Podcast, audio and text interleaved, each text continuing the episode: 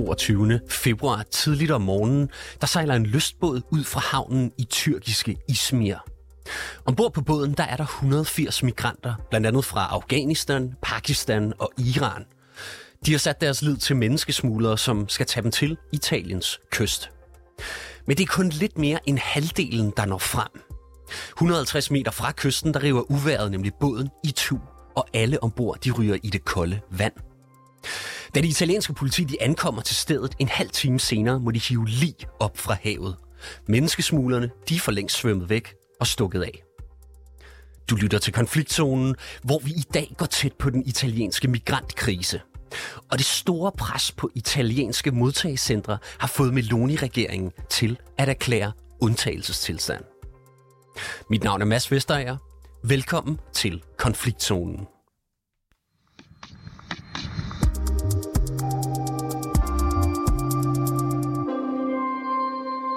Martin Bjørk, politikens korrespondent i Italien. Velkommen til programmet. Tak skal du have. Altså, den italienske regering, de har jo iværksat en seks måneder lang undtagelsestilstand på grund af den voldsomme stigning i antallet af migranter i landet.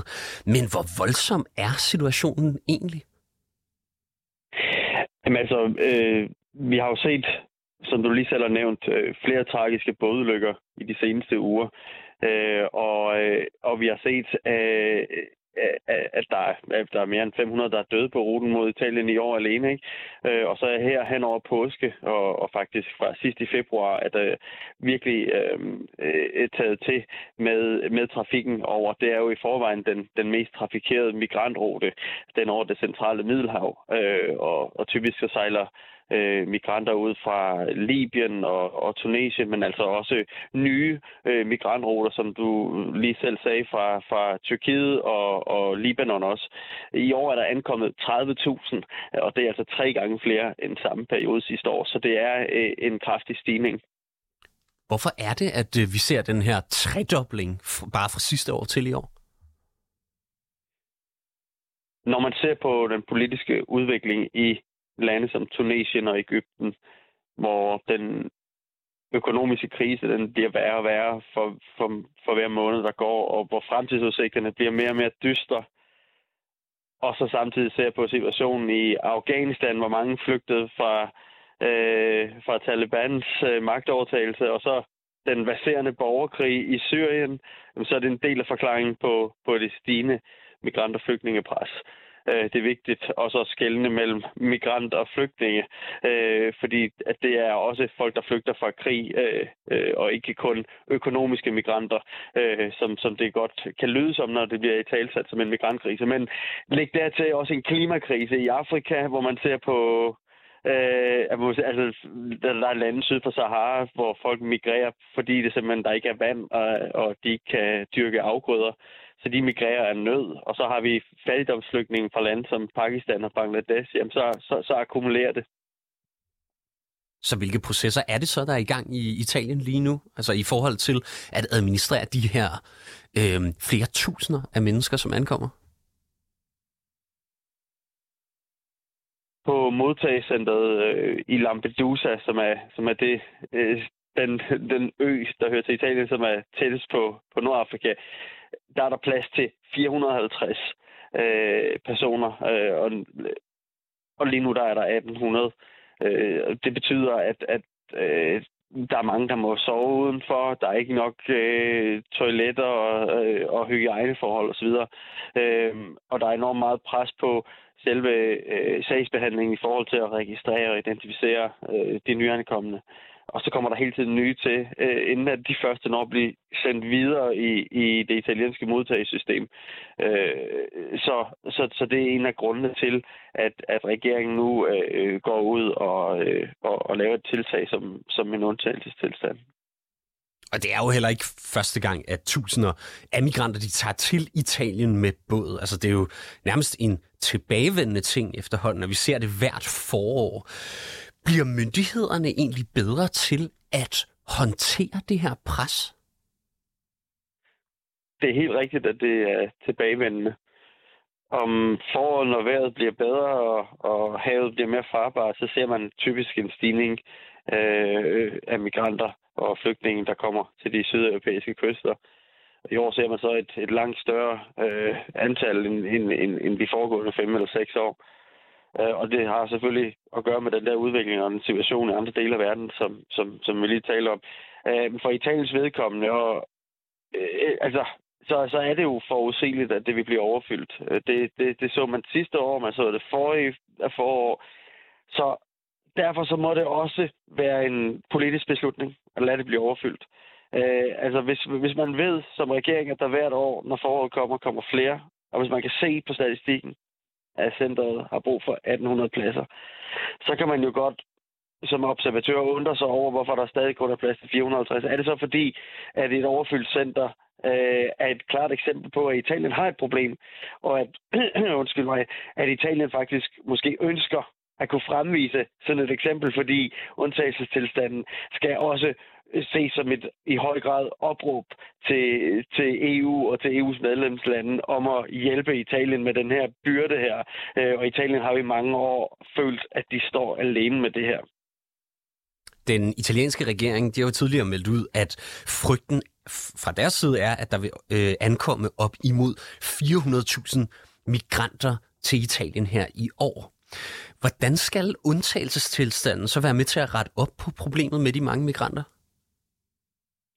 Jamen, øh, undtagelsestilstanden øh, øh, gør, ligesom, øh, gør det ligesom muligt, at øh, nu er der blevet nedsat en kommission, og så kan de ligesom bypasse nogle, øh, noget, noget lovgivning og ligesom speede hele processen op i forhold til, øh, i forhold til os, og især sende folk tilbage øh, til de lande, som de kommer fra, hvis det er, at de øh, ikke har ret til asyl.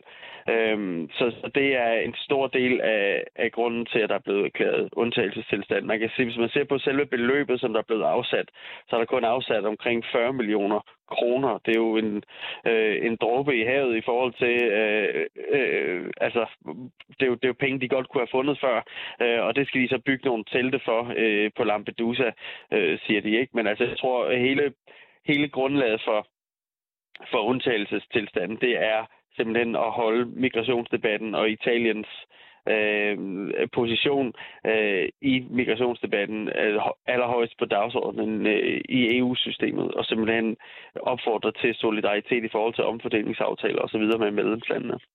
Fordi øh, øh, det er jo, det er jo vi, undtagelsestilstanden kommer i, i kølvandet på, på andre øh, tiltag, som den italienske regering har, har gjort øh, for nylig.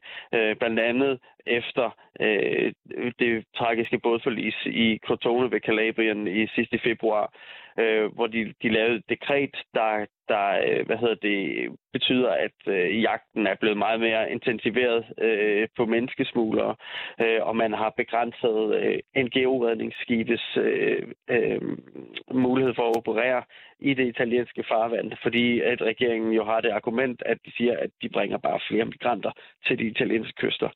Øh, og så har man også set sidst, sidst på året øh, i december i øh, måned, der, der så man endda en midlertidig suspendering af Dublin-aftalen. Øh, så, så den italienske regering, de, de kommer hele tiden med sådan nogle ting, der skal øh, ruske op i migrationsdebatten.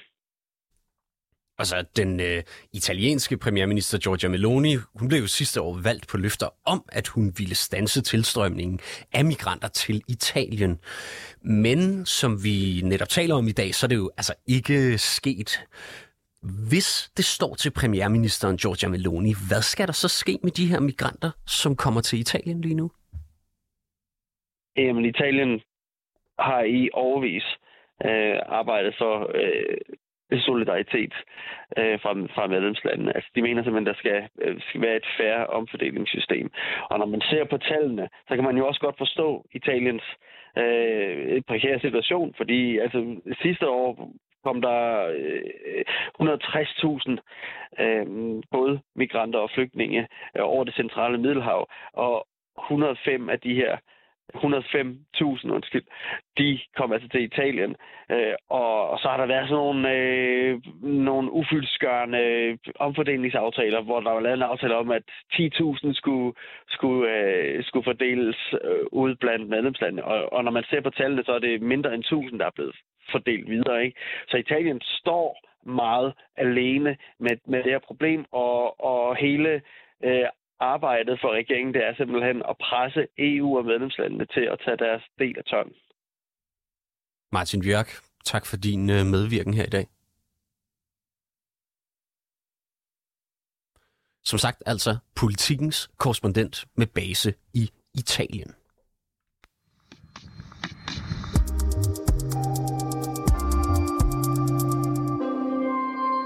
Ditte Brasso Sørensen, velkommen til programmet. Tak skal du have. Du er chefanalytiker ved Tænketanken Europa, hvor du blandt andet beskæftiger dig med flygtninge- og migrationspolitik. Altså, den italienske regering, de udtaler jo, at undtagelsestilstanden alene ikke er nok til at afvære en større migrantkrise. Og derfor så opfordrer de altså EU på det kraftigste til at blande sig. Hvordan tolker du egentlig den udmelding? Jamen, da den italienske regering øh, annoncerede den her undtagelsestilstand, så understregede de øh, i samme åndedrag, at der er behov for en europæisk løsning på problemet, og det er også noget, vi har hørt Meloni lægge vægt på i forbindelse med ja, altså blandt andet EU-topmøderne, øhm, at altså, der er behov for konkrete europæiske løsninger, både til at skabe bedre kontrol med, hvor mange der kommer ind øh, i EU, men også til at finde løsninger, der kan let presset på de her øh, stater, der har grænser op mod EU's øh, ydergrænse, og særligt ved Middelhavet. Så, så, så jeg tænker, man skal se øh, vedtagelsen af undtagelsestilstanden, altså som en del af den her logik om, at man vil understrege alvoren også over for de andre EU-lande, om at det er en reel krise, øh, Italien står i. Men hvordan skulle EU egentlig mere konkret kunne blande sig i den nuværende situation? Jamen altså, det vi har set fra kommissionen øh, indtil nu, det er, at man starter der, hvor man kan blive enige, øh, så man øh, kigger på at sætte, øh, afsætte yderligere midler til for eksempel beskyttelse af EU's ydergrænse, og det kan være for eksempel investeringer i grænsekontrol, droner, patruljering og den slags ting. Og så har man fokus på samarbejdslande som Tyrkiet, Tunesien, Libyen. Man har fokus på hjemsendelser. Øhm, og så øh, afsætter man øh, yderligere midler til initiativ omkring Middelhavet, hvor man forsøger at styrke de nordafrikanske landes øh, evne til, eller, øh, ja, evne til at stoppe de her udsejlinger. Og senest har man for eksempel givet et øh, flådefartøj til den libyske kystvagt. Så, så i første omgang så fokuserer man på at prøve på at få kontrol med, hvor mange der kommer ind i EU. Øh, men det har vist sig svært at opnå den her kontrol, og det er jo så også det, man ser øh, konsekvenserne af øh, nu. Og nu har den italienske regering jo så lavet den her seks måneders undtagelsestilstand. Altså, forventer du, at den vil blive brugt som et politisk værktøj, øh, også over for de resterende EU-lande? Ja, altså jeg, i, i den udstrækning, at det er et signal til de andre EU-lande om, at nu er øh, alvoren så stor i Italien, øh, og presset på Italien så stort, så de har svært ved at håndtere det, og de har behov for, at de andre EU-lande træder til. Jeg tror ikke, man fra Italiens øh, side gør sig nogen forhåbninger om, at det vil øh, få øh, strukturelle øh, konsekvenser, altså at man vil komme længere med forhandlingerne af et nyt øh, et alternativt system til Dublin-aftalen eller et eller andet. Men, men jeg tror, at man fra Italiens side gør det her for at sige nu og op mod topmødet i juni, hvor migration øh, kommer til at være et af hovedemnerne, der skal vi arbejde konkret med her og nu løsninger, der både kan skabe bedre kontrol med, hvor mange der kommer ind i unionen, men også øh, hvad hedder det, her og nu løsninger, der kan lette presset på Italien, blandt andet eller for eksempel ved en, kan man sige, midlertidig og begrænset omfordeling. Men oplever du egentlig, at der er en vilje fra EU's side til at hjælpe Italien? Jamen det her område, det er jo et øh, område, som alle EU-regeringer øh, ser på med meget, meget stor alvor. Altså flygtninge- og migrationspolitik er et emne, som har stor politisk bevågenhed i alle medlemsstaterne, og som kan være omvæltende for nationale regeringer. Så det, det er noget, der er rigtig vigtigt. Og derfor tror jeg også, man vil se en villighed til at både prioritere flere midler til området, og en villighed til at forsøge at komme Italien i møde. Ditte Brasso Sørensen, altså, hvor langt kommer EU-landene til at kræve, at Italien de selv går på det her område? Jamen, Meloni er jo en øh, regeringsleder, som i flere øh, omgange har givet udtryk for, at hun øh, står for en hård linje på, på migrationspolitik øh, og på asylspørgsmålet. Hun har øh, plæderet for styrket hjemsendelse. Hun har indført øh, kontroversiel lovgivning, der gør det sværere for øh, de her NGO-fartøjer, der øh, hvad hedder det, forsøger at øh, komme de her migranter og flygtninge til undsætning og operere i Middelhavet. Og hun har også øh, talt for, at der skal etableres en aftale med Libyen i stil med den øh, aftale om håndtering af migranter, som EU tidligere har haft med Tyrkiet. Øh, så jeg vil sige, problemet er ikke, at den italienske regering ikke er parat til at gå langt for at afskrække flygtninge og migranter øh, for at søge mod Italien. Øhm, problemet er nok nærmere, at de her afskrækkende tiltag jo har haft en begrænset effekt, og vi på trods af øh, forsøg for, på at gøre det mindre attraktivt at komme til Europa, stadig ser et, øh, et stigende antal øh, ankomster. Øhm, men, men når det er sagt, så tror jeg, at man fra EU's side vil gøre, øh, og fra medlemsstaternes side vil gøre meget for at imødekomme Italien, fordi der er den her frygt for, at presset på Italien kan blive øh, for stort, og vi derfor igen kan stå i en situation, hvor at man øh, vil lade migranter øh, i et større antal passere videre op gennem Europa. Altså, det vækker jo mindelser til migrantkrisen tilbage i 2015, hvor flere end 1,2 millioner mennesker altså krydsede Middelhavet for at nå Europa. Hvordan har den øh, tid her siden da påvirket EU-landenes vilje til at reagere resolut på det, der foregår nu? Øh, jamen, jeg tror, det er fuldstændig rigtigt, at der er en meget udbredt bekymring for, at de scener, vi så i 2015-2016, vil gentage sig. Øh, jo særligt fordi, at hvis de gentager sig, så vil det være med til at udstille, hvor svært øh, man fra EU-staternes side har haft ved at finde en løsning øh, på, den her, på det her problem i, i de år, der er gået siden flygtningekrisen. Øh, og det vil jo være en udstilling af, at man øh, siden 2015-2016 ikke har rykket sig særlig øh, meget på de der store strukturelle spørgsmål. Øh, men, men når det er sagt, så synes jeg også, det er vigtigt at understrege, at vi nu ser en udvikling på nogle diskussioner, der tidligere har været mindre villighed øh, til at tage op. Øh, vi ser for eksempel på øh, mellem EU-stater en diskussion af outsourcing af asylbehandlinger til tredje lande, altså det man sådan med, med et dansk ord kunne kalde Rwanda-modellen. Øh, det er en model, der tidligere har været meget, meget lidt opbakning til, men nu ser vi flere regeringer, øh, for eksempel Italien, øh, støtte øh, den slags løsninger. Og det skal ikke forstås sådan, at det er, øh, det det, der fælles europæisk opbakning til den model i dag, men vi ser lande rykke sig. Vi ser også en større villighed til at lægge pres på transit- og oprindelseslande og bruge forskellige værktøjer. Øh, både øh, udviklingsbistand, øh, øh diskussioner om deres øh, visumadgang, men også senest har vi set EU-landene begynde at diskutere, om man kan bruge handelspolitiske værktøjer over for oprindelseslande, der ikke hvad hedder det, tager imod deres statsborgere. Så, så, så det er bare for at sige, at nogle af de diskussioner, som man tidligere ikke har ønsket sig at have, dem, har man, dem, dem accelererer man nu. Hvad håber man så at få ud af de øh, strategier eller de forskellige tilgange, som du nævner der? Jamen, meget af det, man diskuterer nu, er jo, sådan, er jo gammel vin. Altså, det er jo ting, man har diskuteret før. Jeg tror, det, man kommer til at kigge ind i nu, det er at øh, kigge ind i, hvad kan vi gøre for at øh, blive ved med at styrke kontrollen med EU's ydergrænse, altså tilføre midler til det, styrke samarbejdet med øh, de nordafrikanske lande, prøve på at skabe øh, en stærkere kystvagt i Libyen, Tunesien, og så kigge ind i, kan man sige, mere begrænsede diskussioner om, hvordan kan vi øh, hjælpe lande øh, som Italien, der oplever et stort pres her og nu, øhm, og kigge ind i, hvad kan vi gøre for at styrke de frivillige solidaritetsmekanismer, som man allerede har forhandlet på plads, og så måske i mindre grad gå ind i den store diskussion af, øh, hvordan etablerer vi et, et alternativt system til Dublin-aftalen, fordi lige nu der handler det om at komme et meget konkret problem til løs, øh, et meget konkret problem øh, for løs det, som er her nu. Ditte Brassus Sørensen, her til sidst, så kunne jeg godt tænke mig at spørge dig, altså nu hører vi både, der kommer et pres øh, på Italien, altså fra de her bådflygtninge, men over de sidste år, der har vi jo også set et, eller et, et stort pres øh, fra flygtninge, blandt andet fra Ukraine, der kommer til forskellige EU-lande. Hvor, hvor presset vurderer du egentlig, at EU er lige nu på migrantfronten? Jamen, det kommer lidt an på, hvad man mener med presset, fordi samler man tallene, altså de ukrainske flygtninge og de, flygt, de asylansøgninger, vi har set, øh, så, så er det den største flygtningekrise siden 2. verdenskrig. Øh, man har ikke set så mange flygtninge i Europa siden da. Øh, men de kommer ind under to forskellige systemer, og de ukrainske flygtninge søger ikke asyl, det vil sige, de, øh, de lægger ikke et pres på de europæiske asylsystemer.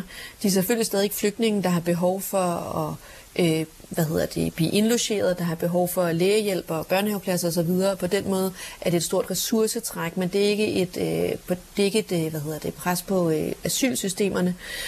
Samtidig så ser vi så en stor stigning i antallet af mennesker, der kommer til EU, der søger asyl.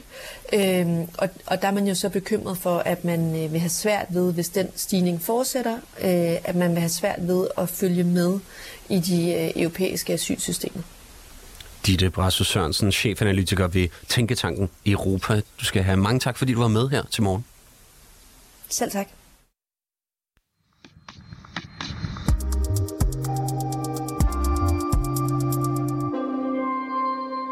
Du har lyttet til dagens afsnit af Konfliktzonen. Vi er 24-7's udenrigsmagasin. Mit navn er som sagt Mads Vesterager, og holdet bag programmet det er Christine Musin og Sofie Ørts. Produceren i regien, han hedder Oscar Chauffre. Du kan lytte til programmet direkte mandag til torsdag fra 8 til 8.30, men du kan selvfølgelig også høre programmet som podcast. Tak fordi du lyttede med.